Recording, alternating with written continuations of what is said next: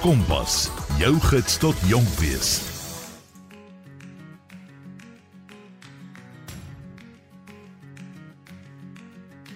Wat is 'n gesonde verhouding? Hoe weet jy jy is in 'n gesonde verhouding? Het sy dit romanties of vriendskaplik of professioneel is? Een ding wat nie twee is nie, is dat ons almal mense nodig het, want dit is onmoontlik om alles in die lewe alleen aan te pak. Om gesonde verhoudings te kan kweek en te bou, is van kardinale belang vir ons om 'n gebalanseerde lewe te hê. Maar tog is dit 'n area waarin baie van ons faal. Dit is immers 'n vaardigheid om 'n verhouding suksesvol te bestuur. 'n Paar van die faktore wat 'n verhouding kan beïnvloed is die ongelykheid van magsposisies, konflik en hoe om konflik te bestuur en emosionele intelligensie. So wat is 'n gesonde verhouding en wat is dan 'n toksiese verhouding? Hoe kan jy die konflik in 'n verhouding bestuur en watter rol speel emosionele intelligensie tot die sukses van 'n verhouding? Vanaand saam met my om hierdie vrae te probeer beantwoord, is 'n paar individue wat hulle stories en menings deel oor verhoudings. Ons gesels oor verskillende tipe verhoudings en almal sal by een van hierdie stories kan aanklank vind op een of ander manier. Nou ons sal nie al hierdie vrae vanaand kan beantwoord nie, so môre aansluit kliniese sielkundige Louis Averbag by ons aan om te help om hierdie vrae te beantwoord. Maar vanaand hoor ons eers van 'n paar mense wat al hierdie uitdagings gehad het in hulle verhoudings en hoe hulle dit suksesvol bestuur het. So kuier vir die volgende paar minute saam met my. Ek is Chloe, dit is Kompas en jy is ingeskakel op RSG. Kompas, jou gids tot jonk wees. Ek het vir 'n paar gaste gevra wat hulle dink 'n gesonde verhouding is en dit is wat hulle te sê het. Eerstens dink ek dat 'n goeie gesonde verhouding een is waarin beide partye in die verhouding gelyk is, dat daar wederzijds respek is van beide kante af en dat die een party nie minderwaardig in die verhouding voel nie. Ek dink eerste ding as ek dink aan verhoudings, dan dink ek aan die woord kompleks. 'n Verhouding is kompleks daar is nie een manier hoe 'n verhouding moet wees nie. Daar is nie een manier hoe jy moet optree nie. Elke liewe verhouding hier buite op die aarde verskil omdat mense verskil. En ek dink as ek moet verwys na gesonde verhoudings, ek dink die eerste mis konsepsie wat daar is oor gesonde verhoudings is dat alles perfek moet wees. Ons beklei nie, ons stry nie, ons mag nie frustreerd raak met mekaar nie. Um ja, alles moet epigo lucky wees. En ek dink daai is 'n toksiese verhouding vir my. Um want as jy as jy dink aan liefde, ek verwys nou spesifiek na 'n romantiese verhouding. As jy dink aan liefde, sien liefde as hierdie sambreel term wat baie ander dinge you know bevat soos eerlikheid, ehm um, empatie, ehm um, pyn, seer. En ek dink as mense dit kan verstaan dat om iemand lief te hê dat dit kom nie net met die goeie dinge nie, maar daar is ook moeilike tye ook daaraan gekoppel. Ek dink as mense dit kan verstaan en net spasie kan maak vir dit en hulle self toelaat om so nou en dan kwaad te wees op mekaar om frustreerd te wees met mekaar dan dink ek is dit 'n teken van 'n gesonde verhouding. Um ek dink dit raak toksies in die sin dat as ek as ek moet terugdink aan aan my verhouding aan die begin so 'n paar jaar terug elke keer as ek 'n sekere manier gevoel het ek het hartseer gevoel oor iets wat my ouetjie gedoen het of ek het nie saamgestem met iets nie. Um en ek het baie wil nie sê negatiewe gevoelens gevoel nie, maar baie emosies ervaar wat my baie gefrustreer het. Dan het ek dit nooit aangespreek nie. Ek het nooit dit gedeel met hom nie want ek het hierdie persepsie gehad dat you know alles moet perfek wees, alles moet mooi wees want sodra ek nou iets gaan opbring dat ek 'n sekere manier voel dat ek hartseer voel as gevolg van iets wat hy gedoen het dan gaan dinge nou net weird raak.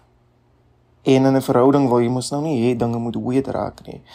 Maar om nie oor te praat nie en om te maak asof alles oukei okay is, dink ek het dinge net meer erger gemaak vir my van dit lyk like opgebou en opgebou opgebou totdat elke liewe dingetjie wat ek doen net vir my irriteer en ek dink toe ek be bewus raak van wat dit actually beteken om iemand lief te hê. Dit beteken die moeilike gesprekke, dit beteken die die pyn, dit beteken hartseer. Dit beteken eerlikheid, dit beteken open kommunikasie. Dit beteken lekker tye, dit beteken moeilike tye. Ek dink toe ek be be bewus geraak het van dit en toe besef ek wow. Ek dink ek myself seer gemaak in die proses deur net alles onder die mat te vee.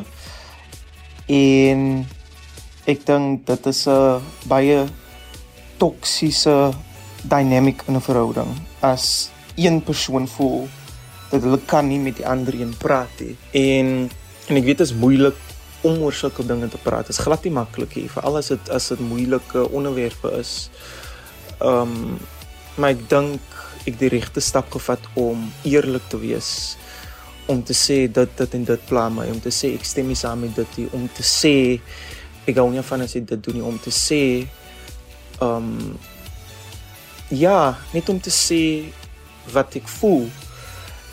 En dit wat na dit gekom het was so mooi want ja, dit was moeilik hierdie gesprekke. Is nie maklik nie, maar ons het saam gegroei, ons het aan die dinge gewerk. En dit is 'n teken van 'n gesonde verhouding waar jy net saam kan jubel en juig nie, maar waar jy kan sit in die moeilike tye en sit in daai ongemak en spasie maak vir dit en dan saam daardeur werk.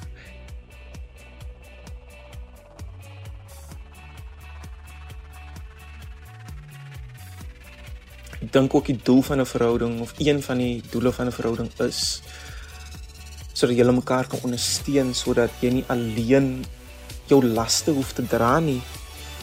Sodra jy voel dat jy voel nie veilig met die persoon nie. Sodra jy voel dat jy kan nie eerlik wees met die persoon nie, jy kan nie openlik kommunikeer met die persoon nie. Jy kan nie die gedeeltes wat jy wegsteek, die seer wat jy wegsteek, jy kan dit oopmaak en wys vir die ander persoon nie. Ek dink dan moet jy stil staan en net 'n bietjie dink van hoekom kan ek dit doen nie. Kom vind jouself met Kompas.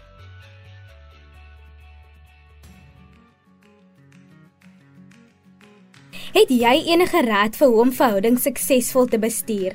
Het jy dalk 'n storie om te deel van hoe jy uitdagings oorkom het in 'n verhouding? Deel jou stories en wenke saam met my deur 'n inskrywing op sosiale media te maak. Onthou net om die hitsmerk Kompas RSG te gebruik. Jy kan ook vir my 'n e-pos stuur en jou storie daar deel. My e-posadres is chloe.rsg@gmail.com. Ek hoor graag van jou. Onthou RSG is beskikbaar op die DStv audio kanaal 813 en die OpenView kanaal 615. Ek is Chloe, dit is Kompas en jy is ingeskakel op RSG. Kompas. Kragvers en knetterend. Om gesonde verhoudings te kweek is van kardinale belang vir ons oorlewing, want dit is onmoontlik om alles alleen in die lewe aan te pak. Of dit nou 'n romantiese verhouding is, professionele verhouding of 'n vriendskaplike verhouding. Hierdie verhouding speel 'n groot rol in hoe ons die lewe sien en hoe jy 'n funksionerende lewe kan hê. Maar tog is dit 'n uitdaging om seker te maak dat jou verhoudings optimaal funksioneer. Faktore soos konflikbestuur, grense stel en magsposisies speel 'n groot rol en om hierdie faktore suksesvol te bestuur kan 'n uitdaging wees. Vanaand hoor ons van 'n paar gaste wat hulle opinies deel en 'n bietjie raad gee vir hoe hulle hulle verhouding suksesvol bestuur het. Kuier vir die volgende paar minute lekker saam met my. Ek is Chloe, dit is Kompas en jy is ingeskakel op RSG. Kompas, jou gids tot jonk wees.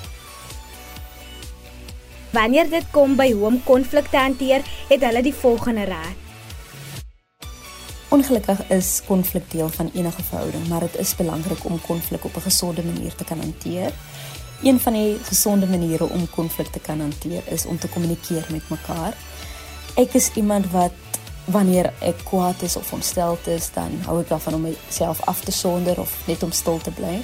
Maar is reeds in daardie oomblikke wanneer jy met die ander persoon moet kommunikeer oor hoe jy voel, want wanneer jy stil bly mag dit dalk vir die ander persoon voorkom asof jy nie omgee nie of asof jy nie belangstel nie. So dit is goed om te kommunikeer oor hoe jy voel sodat daardie persoon ook presies weet wat deur jou gedagtes gaan of wat jou emosies is of hoe jy voel. Dis ook belangrik om nie mekaar te blameer wanneer jy kwaad is vir mekaar nie. Ons is almal geneig om iemand of iets te blameer wanneer ons kwaad is, maar dis dis beter om te kyk na die situasie as wat jy iemand wil blameer vir wat gebeur het. Dan is dit ook belangrik om versigtig te wees met wat jy sê wanneer jy kwaad is. Ons is geneig om enige iets kwyt te raak wanneer ons kwaad is en daardie woorde kan 'n persoon baie seermaak, dit kan 'n persoon se selfbeeld afbraak. So dis baie belangrik om nie iets te sê wat jy later sal berou vir daardie persoon nie. Dis ook oukei okay in 'n verhouding om net te aanvaar jy sal nie altyd oor alles ooreenstem nie. So dit is belangrik om 'n middelpunt te vind waar jy net kan besef, okay, dit is okay om te agree to disagree. Dan is dit ook baie belangrik wanneer jy kwaad is of wanneer jy in 'n situasie is waar konflik ontstaan, maar jy besef, okay, nee, ek is verkeerd, dat jy vir daardie persoon om verskoning vra. En dit mag dalk soos iets simpels klink, maar as jy gaan maak asof niks gebeur het nie en net maak asof alles weer oukei okay is, mag dit daardie persoon net erger affekteer en erger konflik op 'n later stadium veroorsaak. So dit is belangrik om jammer te sê wanneer jy besef, okay, nee, ek was verkeerd in hierdie situasie. Iets wat ook vir my verhouding help om konflik te hanteer is om nie kwaad te gaan slaap nie. So ons probeer altyd om 'n situasie, 'n konfliksituasie op te los voor ons gaan slaap as wat ons die volgende dag gaan opstaan en weer aangaan met hierdie selfde konfliksituasie. So dis goed om konflikte probeer oplos so gou as moontlik as wat jy dit net laat oorwaai of net aanhou vir die volgende dag.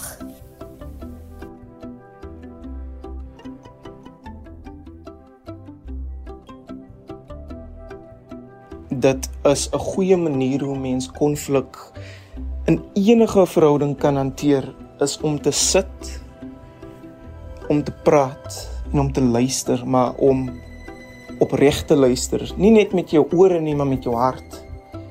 En om empatie te hê vir die ander persoon. Empatie is baie belangrik you know. En om te besef dat okay dis nie jou skuld nie of dis nie my skuld nie of dis nie is nie jy wat die probleem is of dis ek wat die probleem is nie maar om te besef ons is saam in hierdie ding om die probleem op te los. Die probleem is hier in die lig en dis ek en jy saam om dit op te los. Net om daai shift in perspective te hê dink ek is is baie waardevol as dit kom om konflik op te los. So, hoe hanteer 'n mens die ongelykheid van magsposisies veral in 'n ouer-kind verhouding? Ek dink dit is baie moeilik in ouer en 'n kind verhouding, want natuurlik is die ouer ouer en meer wyser en in meeste in meeste gevalle is die kind nog onder ouderdom. Maar ek dink dit is ook baie belangrik dat ouers veral in vandag se samelewing of die kontemporêre samelewing en moderne samelewing moet besef dat die kinders is nie meer die kinders van destyds nie dat kinders meer verstandig is en dit het natuurlik ook te doen met sosiale media.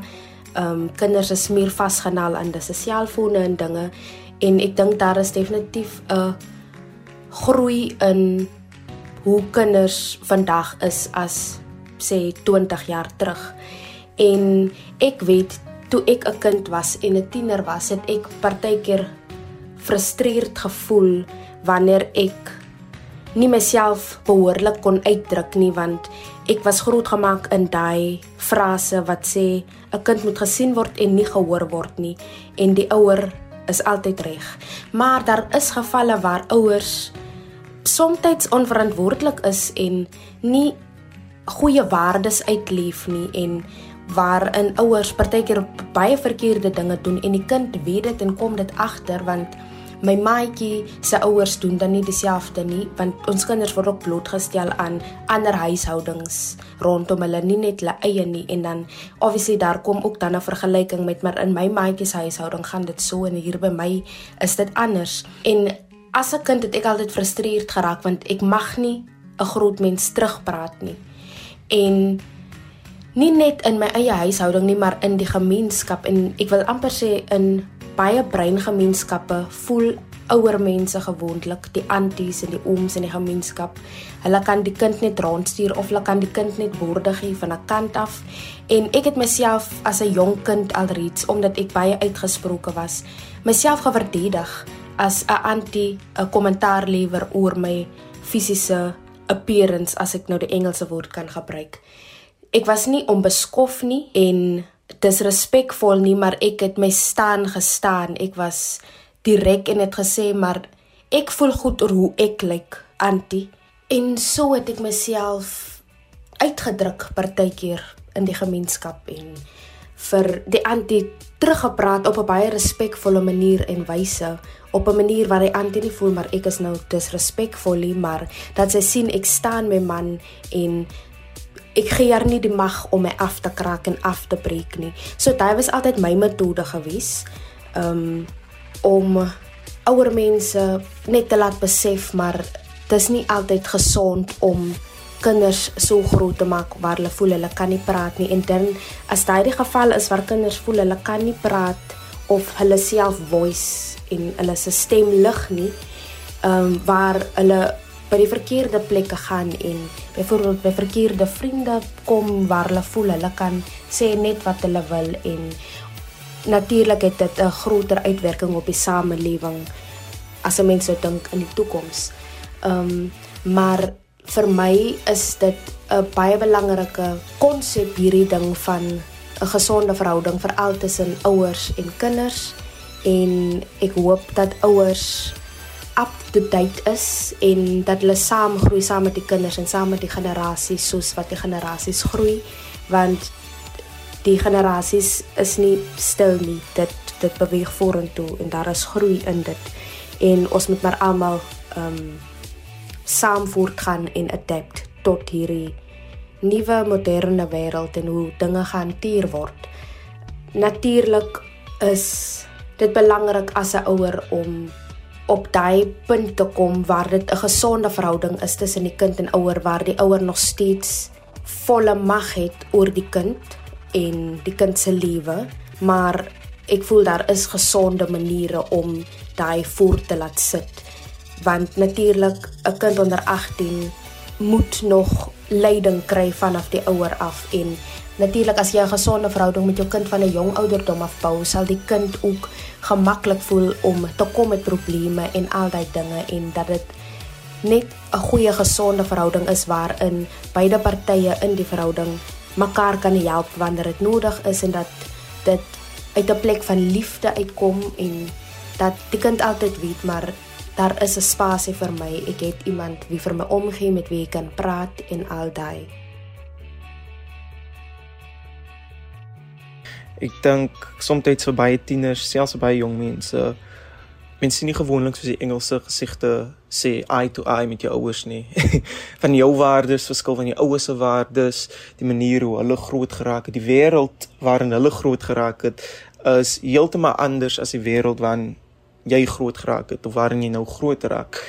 En ek dink dit kan ook baie konflik veroorsaak want die manier hoe jy na die wêreld kyk verskil.